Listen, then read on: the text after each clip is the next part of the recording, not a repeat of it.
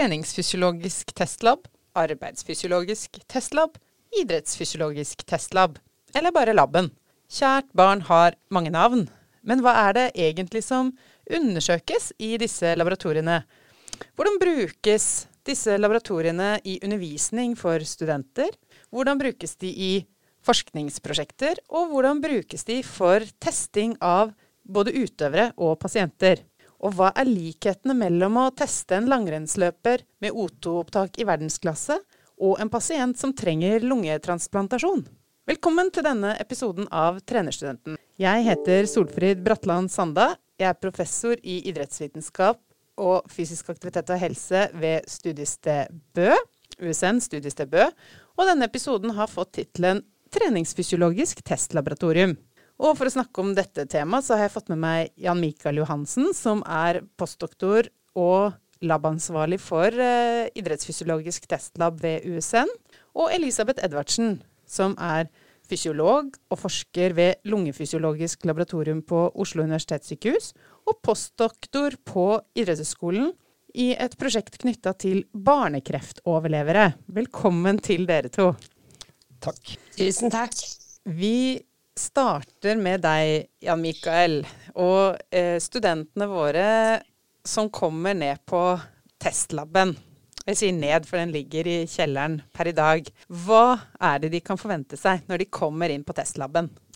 Eh, da eh, møter studentene et rom med både litt kjente og litt ukjente eh, ting. De møter tredemøller, og styrkeapparater, først og fremst, i denne laben som vi har her i Bø. Og selvfølgelig en del analyseapparater som uh, gjør det mulig for oss å analysere oksygenopptak, eh, måle laktat, i, eller melkesyrenivåer i blod, og um, ja, en del sånne parametere i forbindelse med, med idrett, trening og muskelstyrke, spens, hurtighet. Elisabeth, hva er det studentene kan vente seg når de kommer inn eh, på testlab hos eh, dere? Er veldig mange forskjellige typer testlaboratorier på idrettshøyskolen. Så der har vi jo både kondisjonsrelaterte laboratorier, og vi har styrkerelaterte laboratorier, og vi har biomekanske laboratorier. Eh, men først og fremst når studentene kommer på lab hos oss, så er det jo gjerne i tilknytning til treningslære og fysiologi hvor vi da har mye av det samme utstyr som dere har i Bø.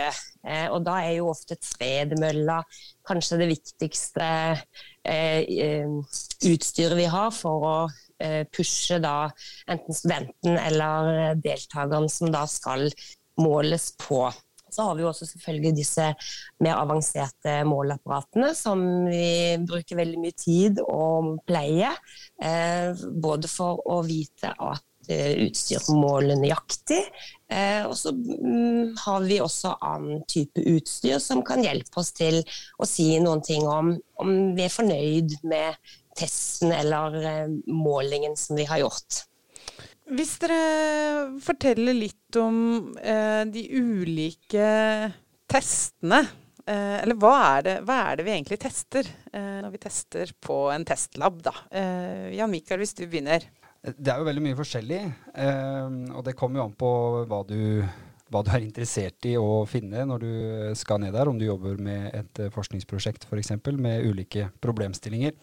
Men det, det, er veldig Hos oss så tester vi mye eh, Spesielt mye det som går på maksimalt oksygenopptak, arbeidsøkonomi, laktatterskel. Mye sånne idrettsrelaterte faktorer som er viktig for å prestere i en idrett. Um, og eh, ja, Så det, det, er veldig mye av det, og det er det vi har gjort mest. Og det er det studentene tidligere også har gjort mest av. Og selvfølgelig da også test av maksimal styrke. Hvor mye klarer du å løfte eller trekke i én uh, repetisjon maksimalt? Og, og, hvor, og, mål på hvor eksplosiv du er. Både spenst og hurtighet, og, og også i en styrkeøvelse, da. Elisabeth, hvilke tester kan du fortelle om? Ja, da kan jo jeg dra, eh, kan jeg dra ned på lungefysiologisk lab på sykehuset, på Oslo universitetssykehus. Og det er jo da et laboratorium som er egnet for å teste eller måle den fysiologiske responsen til pasientene våre. Og det er ofte gjerne pasienter som enten sliter fordi kroppen ikke fungerer sånn som den skal, de har gjerne tung pust, de føler at den fysiske formen er dårlig, hvor man da kanskje mistenker at pasienten har en eller annen sykdom som kan forklare eh, hvorfor ting ikke går som det skal. Og da eh, belaster vi da pasientene eh, på forskjellige måter, litt avhengig av hva som er pasientens problemstilling, men hvor vi da belaster dem til maksimalt. Og det vi da gjør, det er at vi da studerer den fysiologiske responsen fra hvile og opp til maksimal belastning. Og I den forbindelse så kobler vi jo pasientene våre til veldig mye utstyr. Eh, både av sikkerhetsmessige grunner, i tilfelle det skulle skje en hendelse. Eh, sånn at vi kan følge med på både hjerterytme, vi kan følge med på EKG, blodtrykksresponsen. Men hvor det mest sentrale det er jo også hos oss, det maksimale oksygenopptaket. For å se om eh, kapasiteten er der den skal være innenfor normalen, eller om det er en eller annen form for begrensning um, som pasienten sliter med. Slik at vi kan ta fatt i det og, og behandle pasienten deretter. Så en av likhetene med, mellom å teste de med hva skal jeg si, eh, høyest og lavest eh, O2-opptak i befolkningen, eh, som du egentlig har vært eh, Som du har lang erfaring med, Elisabeth, det er, det er, at det er en del likheter i det når det gjelder både prosedyrer og, og hva skal jeg si, hva vi er ute etter å få av, av svar på testene. Ja, absolutt. Eh, likheten er jo at vi eh, setter da vedkommende, om det enten er en utøver eller det er en pasient, under et fysisk stress, og så måler vi jo da den responsen vi får ut i den andre enden. Um, og, og, det gjør vi jo da til maksimal belastning på, annet, på et, mm. i en eller annen form. Um, så av og til så ønsker vi gjerne å provosere frem en hendelse, og da må vi bruke eller finne en protokoll som gjør at vi setter pasienten under det stresset som da, hvor pasienten opplever de symptomene. Og Så ser vi om vi klarer å provosere det frem, og studere hva, hva det eventuelt kan være for noe. Mm, og da må du eh, bare skynde meg å legge til at eh, det å gjøre sånne strengt kontrollerte tester, da er det eh, ofte eller alltid medisinsk personell til stede, eh, sånn at ikke studentene tror at de bare kan sette i gang med det på egen hånd?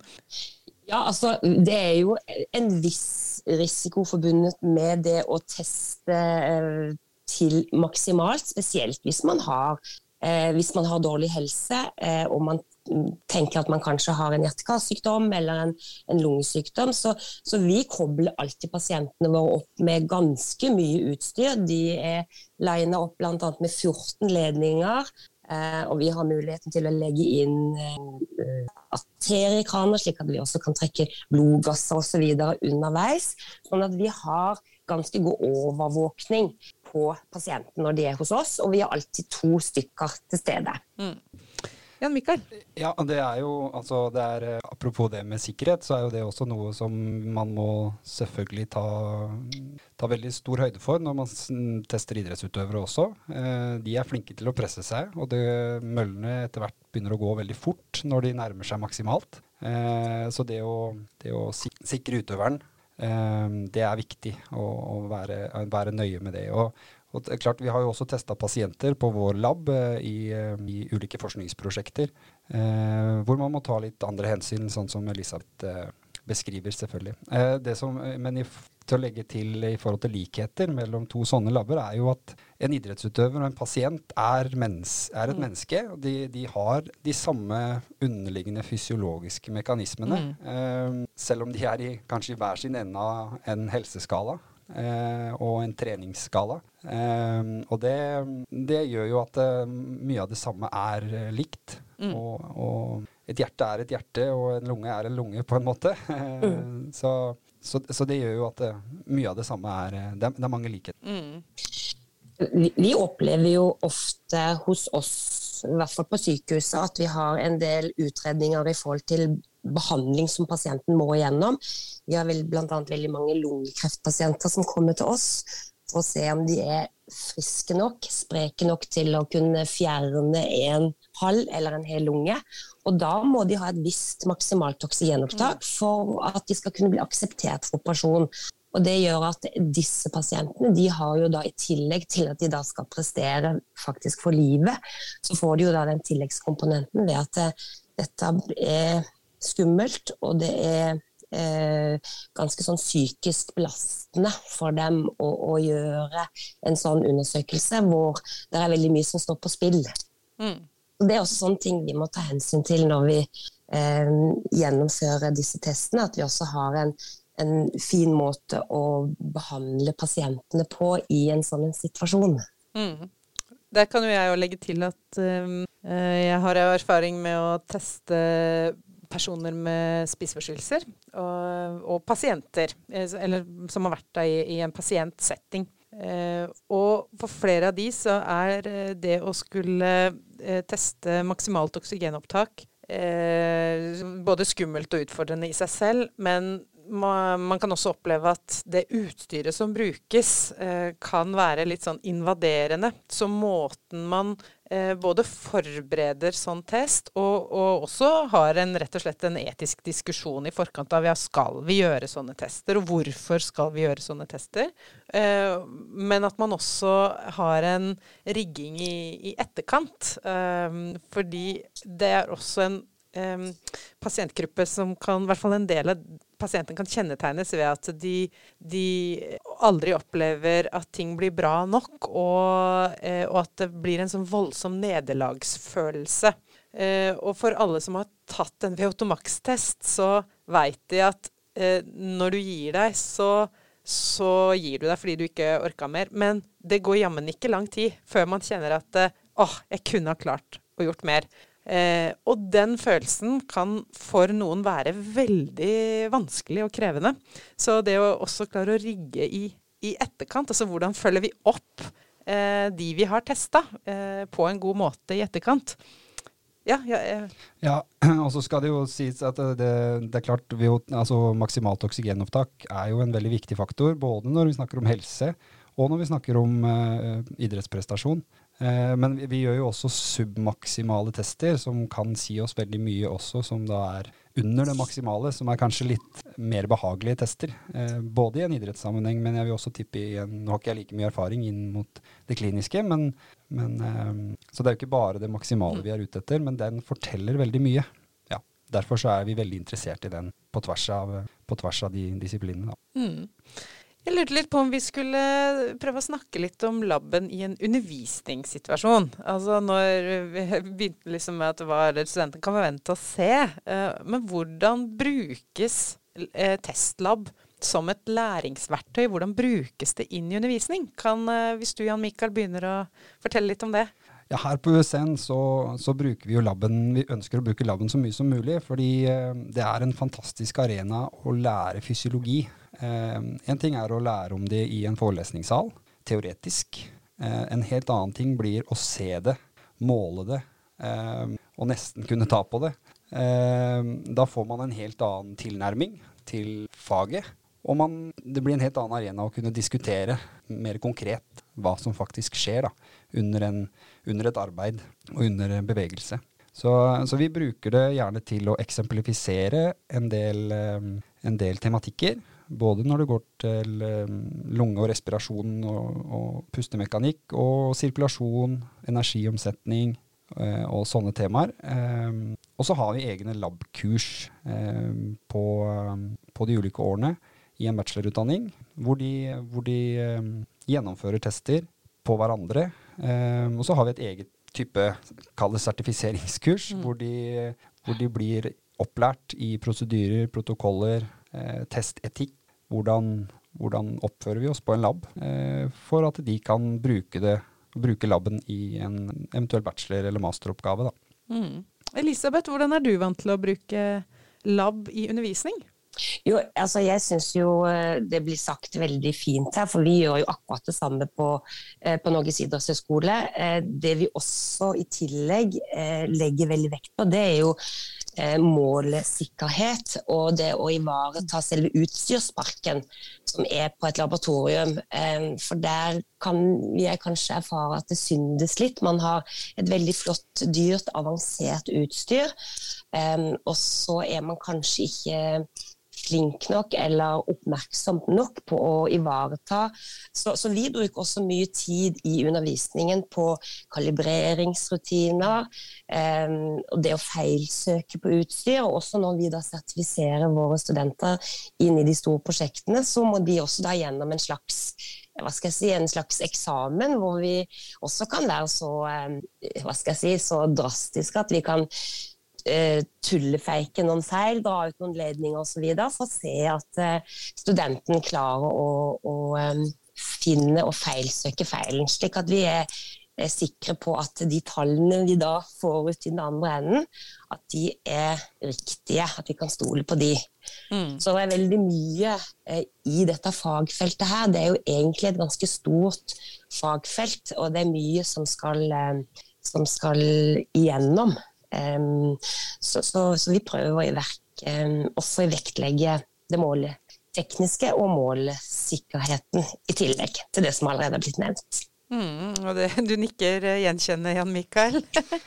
ja, det er jo en, det er en, ting som er veldig viktig i uh, det å jobbe på lab. Det å være, være drilla i hva er det som kan ha vært Altså når man ser et resultat, og dette, dette, ikke, dette, dette kan umulig være riktig, det å være flink til å feilsøke, som Elisabeth sier, og, og um, vite hva som, hva som, eventuelt er gærent, og hvordan vi kan unngå å få de uh, unøyaktige målingene. Altså vi er avhengig av nøyaktige målinger, og da må utstyret virke. Og, og, det går på kalibreringsrutiner, det går på generell kompetanse om apparaturen og, og fysiologi. Mm. Mm. Så, da, så da er det jo sånn sett viktig å vite litt hvordan utstyret i seg selv fungerer. Hvordan er det rent sånn måleteknisk eh, utstyret opererer, slik at man lettere kan vite hva man skal se etter. Mm. Og nå har dere jo begge snakka litt om eh, viktigheten av kalibrering som eh Det er viktig i alle sammenhenger, men i hvert fall hvis ting skal brukes inn i forskning. Eh, og dere har snakka om det å bruke eh, studenter som ressurs også inn i, inn i forskning. Og jeg lurer på om vi kan gå litt videre på det. Altså det med laben i forskning. Dere har jo hva skal jeg si, noe uke målgrupper i det dere har forska på, i hvert fall de siste årene. Hvis, hvis du, Jan Mikael, begynner med å snakke litt og, og, konkretisere, hva er det du har brukt laben til i forskning? ja, det meste jeg har brukt laben til, er jo mer idrettsrelatert. Uh, jeg gjorde et doktorgradsarbeid på, på uh, langrennsløpere og effekten av trening og eh, en del andre parametere, bl.a. genetikk, alder og kjønn. Hvor vi da i det konkrete eksempelet brukte laben til å teste en stor gruppe langrennsløpere for bl.a. maksimalt oksygenopptak og eh, muskelstyrke i ulike muskelgrupper. Eh, og en del andre utholdenhetsvariabler. Og så fikk de lov til å trene i tre måneder, og så testa vi de igjen for å se om disse tre månedene med trening har det skjedd noe i de ulike faktorene som vi har eh, testa. Vi testa jo også prestasjon. Og så lot vi de test, nei, trene i tre, nei, tre måneder til, uh, og testa de på nytt. Uh, og det, det er én måte man kan jobbe med i en mer idrettsrelatert uh, setting. Da. Og så, akkurat nå så jobber vi mellomdistanse uh, både i langrenn, altså sprint, og 800 meter i løping, hvor vi prøver å måle både det som heter anarob kapasitet, eller maksimal anarob kapasitet, og maksimal aerob kapasitet, for å prøve å forklare prestasjonen i sånne type konkurranser. Da. Mm. Elisabeth, du har uh, forska på litt andre grupper også. Kan du fortelle litt om det? Ja, eh, i mitt doktorgradsarbeid så eh, hadde jeg et sånn todelt prosjekt hvor jeg i første del eh, eh, lagd et normalmateriale eh, for maksimalt oksygenopptak eh, hos voksne kvinner og menn i alderen 20 85 år. Og vi da hadde ni testlaboratorier rundt omkring i hele Norges land. Og så var det ca. 100 deltakere på hver lab som møtte opp eh, og gjennomførte da det vi kaller for en kardiopulmonal exercise-test til utmattelse. Eh, så det var den friske delen. Eh, og i tillegg til det så, så jeg jo litt mer klinisk, hvor jeg da eh, testa nydiagnostiserte lungekreftpasienter. Og vi da hadde dem inn på laboratorium før de ble operert for lungekreft. Og så kalte vi dem inn igjen fire til seks uker etter at de da hadde fjerna en hel eller en halv lunge. Og så testa vi dem på nytt. Og eh, det, da var vi spesielt opptatt av å se hvordan står det til med pasienten nå. Etter at de har vært gjennom både et langt sykehusopphold, men ikke minst etter at de har fjerna en halv eller en hel lunge. Um, og så ble de randomisert enten til en treningsgruppe eller en kontrollgruppe. Og så trente vi de så hardt vi bare kunne tre ganger i uka i 20 uker, og så gjentok vi nøyaktig de samme målingene. Og da var det jo maksimalt oksygenopptak som var den viktigste variabelen vi var ute etter. Men vi hadde jo også selvfølgelig styrketester og funksjonelle tester. Og da så vi jo at til tross for at man da har fjernet et organ, altså deler av vårt livs, livsviktigste organ i forhold til å tilføre oksy, kroppen oksygen, så ble de som trente utrolig mye mer sprekere enn de som ikke trente. Ja. Og, det er viktig å, jeg tenker, ehm, det er viktig å få fram um, Vi snakker jo om prosjekter som, som foregår på laben. Uh, og så kan man jo tenke, i hvert fall her i, her i, Bø, så har vi jo en del utstyr som tilhører laben, som vi kan ta med ut. Uh, og i idrettsforskningsfeltet så har jo det blitt veldig populært dette å ta laben ut og teste i en reell situasjon eller i en reell konkurranse. Men også men et konkret eksempel som du og jeg Solfrid jobber med nå, er jo, er jo nettopp eh, måling av fysisk aktivitet blant skolebarn. Eh, hvor vi bruker akselerometeret, som er en del av laben, men vi bruker det utafor laben på en mm. måte. Men det er det samme kravet til målesikkerhet og, og protokollene og prosedyrene som tilhører det utstyret. Så, eh, så, det er jo viktig å få fram at uh, det er også muligheter til å ta utstyr ut av laben. Og, mm. Men det endrer på en måte ikke de samme kriteriene for sikkerhet og i forhold til måling. Mm. Så vi har gjort veldig mye forskjellig, og det er, veldig, det er, det som er spennende med å jobbe på lab. Eh, du, du får lov til å jobbe med forskjellige, mm. og forskjellige måter å måle ting på. Ja, nå er vi jo litt eh, på vei over i det å også snakke om laben som en arbeidsplass. Eh, for det er jo faktisk en reell eh, det er jo en reell og relevant arbeidsplass for studenter med, med denne typen utdanning. Eh, Elisabeth, kan ikke du fortelle litt om arbeidshverdagen din på eh, lungefysiologisk laboratorium? Jo, eh, den syns jo jeg er veldig spennende. Jeg har vært der faktisk i snart 26 år. Uh, og jeg stortrives. Uh, vi er jo da en veldig stor avdeling her, lungeavdelingen, med 25 lungeleger som er ansatt. Uh, og så er det jeg da, som er fysiolog og forsker. så jeg jobber da veldig tett med én lungelege, så det kommer en lungelege som er med meg hver dag vi da har satt opp pasienter. Um, og det, hverdagen min består først i å få utstyret i gang. Um, få det kalibrert og kvalitetssikra. Um, I forhold til de testene som da er satt opp for dagen. Og da har vi mellom fire og seks pasienter når vi har en full dag på lab. Da er vi som sagt alltid to. Det er jeg som da er fysiolog, og så har du lungelegen som både ivaretar risikoaspektet ved pasienten, ser at pasienten har det bra underveis, eh, følger med på eh, de forskjellige målingene, og, og så tolker vi resultatene i sammen i etterkant. Og så skriver vi journalrapport, og så på bakgrunn av hva undersøkelsen da har vist, så setter man da i gang tiltak ut ifra det. Og I tillegg til det så har vi jo da forskningsprosjekter. Vi er så heldige at vi har to laboratorier hos oss vi kan kjøre parallelt. Eh, så akkurat nå så har vi to forskningsprosjekter. Det ene går på eh, pasienter som har gjennomgått eh, lymfekreftbehandling. eh, som har i tillegg fått fatigue, kronisk fatigue, hvor de da er med i en treningsstudie. Og de testes her hos oss. Ja. Eh, kan du i samme slengen eh, si litt om eh, det postdok-prosjektet du er eh, tilknytta? Ja, ja. ja, det er på Norges idrettshøgskole. Mm. Og der har vi akkurat nå gjennomført et stor multisenterstudie med barnekreftoverlevere som var ferdig med kreftbehandling for minst ett år siden, og som da sånn sett regnes for friske. Og så vet vi jo det at kreftbehandling det er en veldig krevende behandlingsform. Så selv om man blir fri fra kreften sin, så kan det gi ganske store bivirkninger og seneffekter i mange, mange år etterpå. Så dette barnekreftprosjektet vårt, som vi kaller for PAX-studien, der har vi inkludert eh, over 200 barnekreftoverlevere. Og så har de også hatt med seg en venn, en frisk venn. Så vi har dratt disse da inn på laboratoriet på idrettshøyskolen, og så har vi prøvd å måle dem fra topp til tå for å se hva slags form disse barnekreftoverleverne er i. Både relatert til kondisjon, altså maksimalt oksygenopptak, relatert til styrke og fysisk funksjon. I tillegg til kroppssammensetning og, og, og spørreskjema og aksjometeret.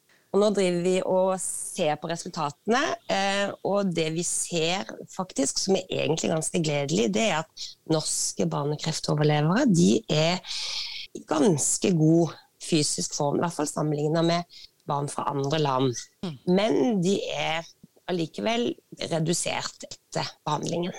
Mm. Så det driver vi og skriver på nå. Da gleder vi oss veldig til å ja. lese det når det kommer ut. Og dette er jo eh, et eksempel på, eller vi har mange eksempler på prosjekter som det er veldig meningsfullt å jobbe med. Så veldig, det er grupper som det er veldig tydelig behov eh, i samfunnet for mer kunnskap om, og det, dette kommer mange til gode. Mm. Hvis vi ser litt på hva skal jeg si, dypdykker inn i, i, denne labbet som en arbeidsplass. Hvis jeg kan spørre dere litt sånn tabloid, hva er det beste og det verste eh, med det å jobbe på lab? Eh, Jan Mikael, vil du begynne? Eh, for min del, som, eh, som, selvfølgelig gjør mye av det samme som Elisabeth eh, beskrev i stad, eh, det går på å forsikre seg at apparaturen er måler riktig. Og, og, vite at alt fungerer og alt er til stede. Um, det er en stor del av jobben. Og da, da, er det litt relatert til det samme, egentlig, hva som er verst og best. Det verste er når, er, når det er et eller annet som ikke fungerer. Mm. Um, og da det å klare å finne den feilen og rette opp i det. Og da du, spesielt da når du står midt i en test som er viktig, eh, og du, du ser at nei, her er det et eller annet gærent. Um, og du, du, antageligvis ender opp med at du må gjøre alt om igjen, og så begynner du å bli usikker. Så, ja, det, det, er noe av det verste, syns jeg i hvert fall. Og, mm. og, da, noe av det beste igjen er jo selvfølgelig når, når du um, er trygg på at dette her, uh, apparaturen er bra. Det, det, det flyter fint, og, og, alt ser fornuftig og riktig ut. Da. Det, er også noe av det beste ja. med jobben. Elisabeth, kan du relatere deg til det, eller? Ja, eh, absolutt. Ehm, for min del så er vel kanskje noe av det beste og mest spennende med den jobben, det er jo allsidigheten. Mm. Eh, veldig Altså, det er en krevende jobb. Eh, man må bruke lang tid på å sette seg inn i ikke bare hva som skal måles, men også hvordan fysiologien fungerer i en normalsetting, for å kunne si litt om hvis det er noen begrensninger. Så det beste og mest spennende syns jeg hvis vi har en pasient som kanskje har slitt i lang, lang tid og som strever fysisk. Og så har han vært på en stor utredningsrunde både hos hjerteleger og lungeleger og andre spesialister, og så finner man ikke hvor skoen trykker. Og så kommer pasienten til oss, og så belaster vi pasienten. Og så ser vi på den fysiologiske responsen underveis, og så klarer vi faktisk å finne ut at det er dette som er pasientens problem.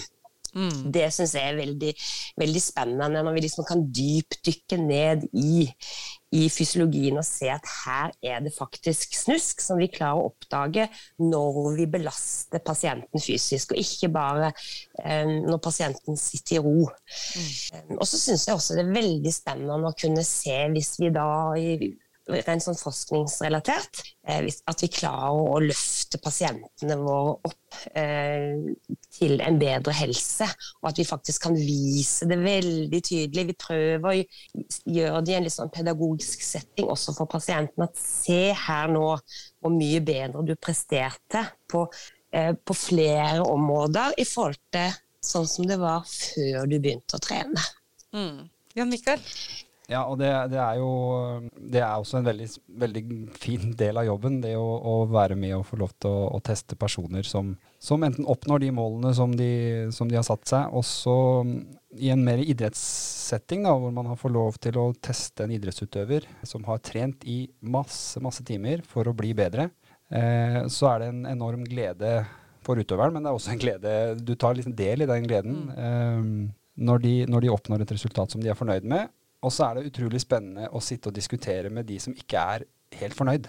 Um, og kanskje har funnet ut, eller kjenner at det er noe galt med kropp, eller det er noe der man responderer ikke, man klarer ikke å ta seg ut maksimalt. Ja, Og så kan man sitte og diskutere med, med utøveren. Ja, hvordan har du trent i det siste? Og så kommer inn på de mer fysiologiske aspektene og treningsfysiologien og prøver å nøste opp i ja, hva kan, hva kan være her, og hvordan kan vi Der har jeg noen helt konkrete eksempler på, på idrettsutøvere som antageligvis har trent for mye. Hvor, eh, hvor man har eh, kommet fram til sammen med trener og utøver at det, kanskje det kan være lurt å, å, roe seg ned noen dager og se hvordan det går. Og, og det har hatt eh, god effekt på noen av de som vi har snakka med, og det, det, er veldig, veldig gøy. For jeg tror vi må begynne å runde av, men uh, hvis dere skal komme med noen råd til studenter som både kan tenke seg, altså som både skal bruke laben i undervisning, men, men som kanskje også tenker at uh, oi, uh, det å kunne jobbe på en testlab i framtida, det hadde vært spennende. Hvilke, hvilke, råd har dere? Elisabeth, hvis jeg kan begynne med deg først, da. Jo, eh, da tror jeg kanskje jeg ville råda studenten til å velge seg et prosjekt kanskje i studietida, hvor du har testing som en viktig del av måleverktøyet ditt. Eh, da blir, du, da blir, du, tvunget til å sette deg veldig godt inn i prosedyrer, og du lærer deg fysiologien eh, på en helt annen måte. Um, og det vil kunne da gi deg fordeler når du eventuelt skal søke på en jobb um, seinere. Mm. Så, så, jeg tenker at litt av clouet her det er å kanskje finne et prosjekt eller en nisje. Mm. Um, det kan være banebrytende for framtida di.